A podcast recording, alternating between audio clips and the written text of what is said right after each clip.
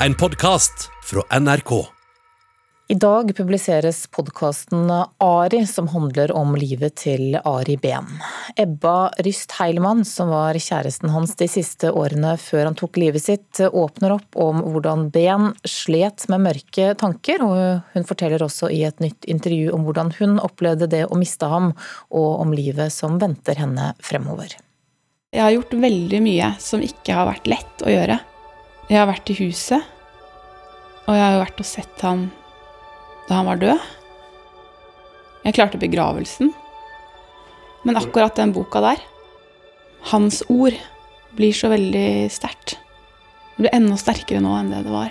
Ebba Ryst Heilmann forteller i ny podkast om hvordan det var å være kjæresten til Ari Behn de siste årene av hans liv, og hvordan hun fortsatt ikke klarer å åpne hans siste bok, 'Inferno'. Podkasten minner oss også på hva Ari Behn sa om seg selv. Jeg kan fortelle deg utrolig at jeg visste fra jeg var bitte liten uh, hva jeg ville. Jeg skulle skrive. Jeg skulle male. Vi er hjemme i Heilmanns leilighet på Torshov. Her er fotsporene etter Ari Behn fortsatt tydelige, både på bilder, vegger og bord. Så der står det 'Hver gang jeg dør'. Det er jo ganske spesielt nå, da. For uh, hver gang jeg dør. Han følte at han døde mange ganger. Men Heilmann er opptatt av å få fram det levende mennesket Ari Behn, som så henne og andre for hvem de var. Han hadde en entusiasme over mitt liv som jeg overhodet ikke hadde selv. Og så var det plutselig noen som syntes det var gøy å høre på. Han kunne lese mennesker, tror jeg, på en måte som jeg aldri har vært borti før. Når hun nå åpner opp om deres historie, om både slit, sorg og selvmord, er det fordi hun mener det er viktig. Det er ikke noe farlig å snakke om døden, og det er ikke noe farlig å snakke om eh, panikk, og det er ikke noe farlig å snakke om at man har vært deprimert i perioder, egentlig. Hva er det som er farlig med det? Det er jo veldig mange spennende historier da, som kommer ut av det. Og man kan lære masse av det også. Hun hylles for sin åpenhet av generalsekretæren for Rådet for psykisk helse, Tove Gundersen. Jeg synes at det er eh, viktig fordi det kan gi både trøst og kunnskap eh, til andre. Samtidig så er det sånn at åpenhet smitter, så kanskje andre også klarer nå å dele mer. Jeg synes at hun er modig. Og Ebba Ryst Heilmann håper hun vil bli enda modigere i tiden som kommer, og leve livet videre i Aris ånd. Altså Hadde Ari vært der, så hadde han sagt at nå må vi leve livene våre, vi må leve det skamløst.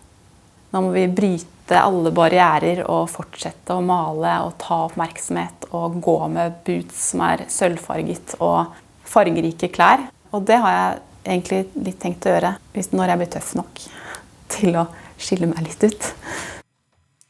Du kan lese mer om Ebba Ryst Heilmanns historie på nrk.no, og dette var også en del av podkasten Ari som publiseres i dag. Reporter her, det var Knut Øyvind Hagen.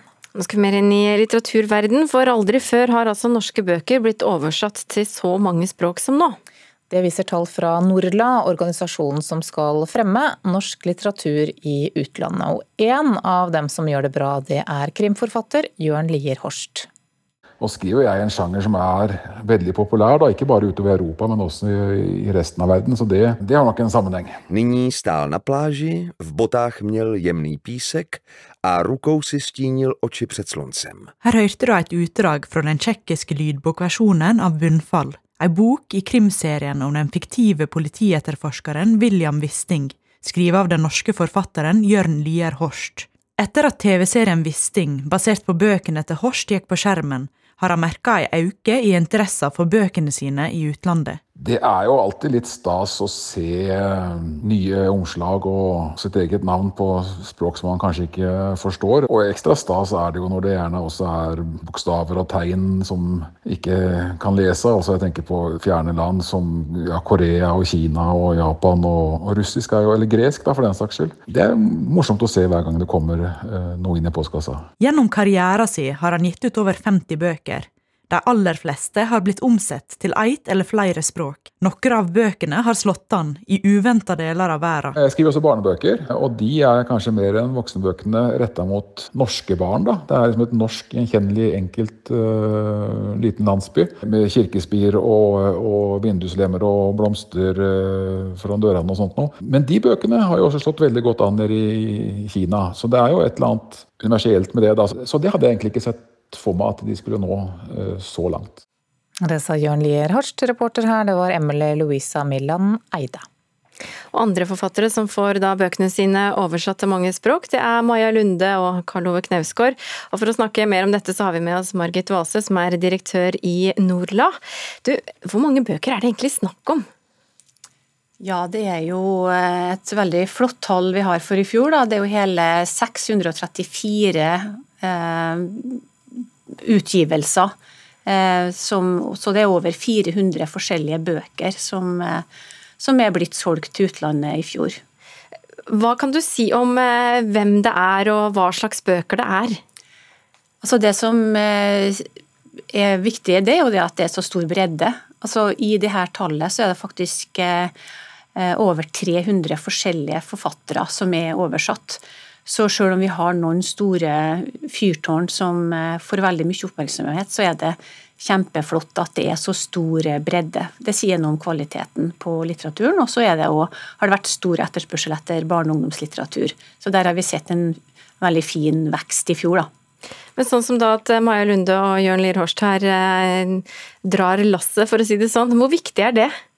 Det er klart det er viktig med sånne Eh, som selger veldig godt. Det gjør jo at eh, forlag ute i verden blir nysgjerrig på norsk litteratur og ønsker å orientere seg der for å finne flere mulige bestselgere.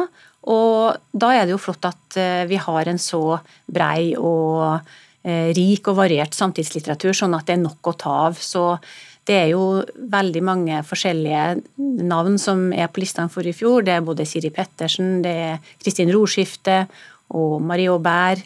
Mange mange flotte navn som, som eh, lover godt for framtida. Ja, har norske bøker rett og slett eh, blitt hippe?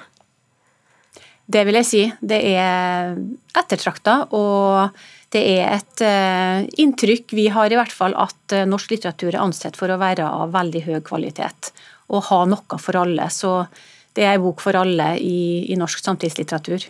Men hva er det med de norske bøkene, liksom annet enn kvaliteten? er mer sånn, Hva er det med de? Eh, når det gjelder barnelitteratur, så kan vi vel kanskje si at eh, den er ganske modig. Den tør å ta opp eh, tema som mange andre synes kanskje er noe som barn skal skjermes for. Det er en tradisjon i Norge for å, for å la barn få utfordringer i forhold til, til tema som er knytta til livet. Og det preger norsk barnelitteratur, og som, som nordisk barnelitteratur. Og når det gjelder den andre litteraturen, så er det òg mye spennende som skjer på sakprosa. Eh, veldig mye flott narrativ sakprosa, altså fortellende sakprosa som tar opp eh, populærvitenskap, natur, eh, ting som rører seg, og som forsøker å belyse hvordan vi skal løse utfordringene framover. Mm. det preger norsk sakprosa. Og, mm. Hva tror du om de neste årene, da? Vil det fortsatt være så høye tall? Når det har vært eh, en sånn fin stigning, og at eh, tall som viser at boka holder seg veldig bra, og at det er etterspørsel etter norsk litteratur, så ser vi for oss at det her er noe som fortsatt vil være veldig aktuelt for utenlandske forlag å, å satse på, fordi det er bøker som har noe å gi til lesere der ute. Takk skal du ha, Margit Vaalse, som er direktør i Norla.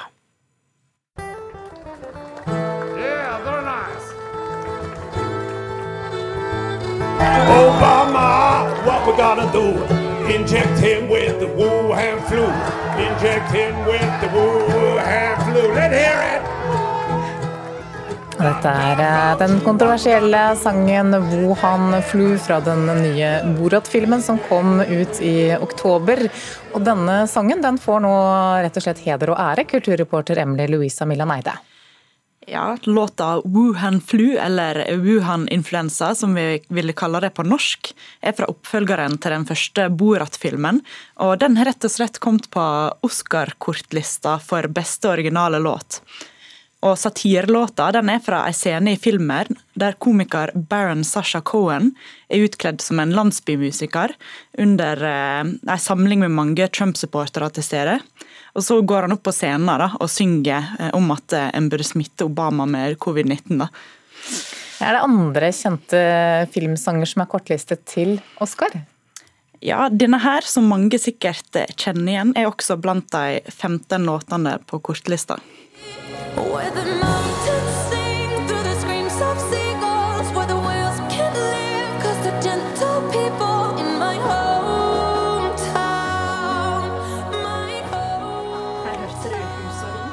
My Hometown fra Eurovision Song Contest, The Story of Fire Saga.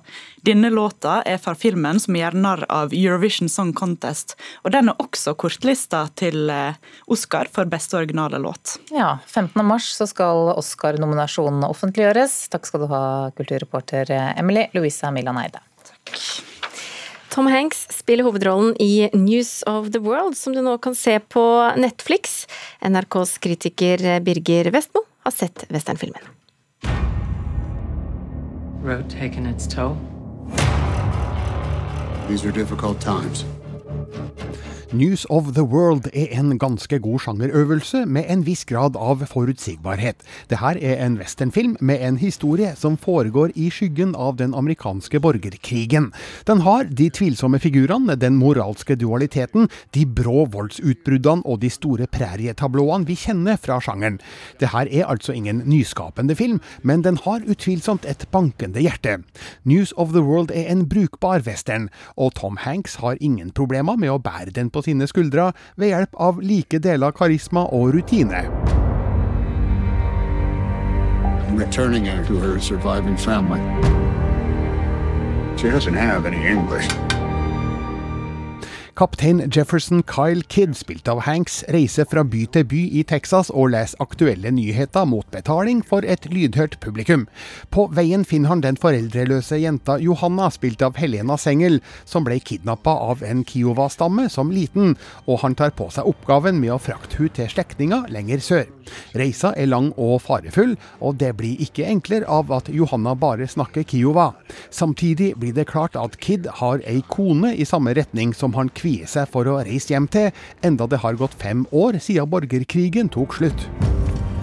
After four years of war, all the killing and all the blood, I guess we both have demons to face. Historiens bakteppe er detaljert og overbevisende. Vi får gode beskrivelser av hvordan sørstatssamfunnet fremdeles er i uorden, fem år etter at de tapte borgerkrigen. Byene er skitne, innbyggerne slitne, og urbefolkninga ser vi stort sett bare som vandrende skygger over slettene i bakgrunnen. Regissør Paul Greengrass lar fotograf Darius Wolski få god tid til å dvele ved både ansikter og omgivelser i majestetisk cinemaskop, akkompagnert av James Newton Howards sveipende prærie ferjemusikk. Tom Hanks har et godt ansikt å dvele ved, fullt av varme og menneskelighet, men òg voldsom besluttsomhet når det trengs. Her har han godt selskap i det tyske talentet Helena Sengel, som fikk et fantastisk gjennombrudd som rabiat jente i Systemsprengeren. Det gjør inntrykk å se hvordan Kid og Johanna gradvis finner tonen gjennom strabasene. News of the World følger kanskje kjente stier, men er en trygg, god og strømmevennlig western som sjangerens tilhengere kan sette pris på. Terningkast fire. News of the World ble anmeldt av Birger Vestmo, og du kan eh, se mer om filmen eh, på nrk.no.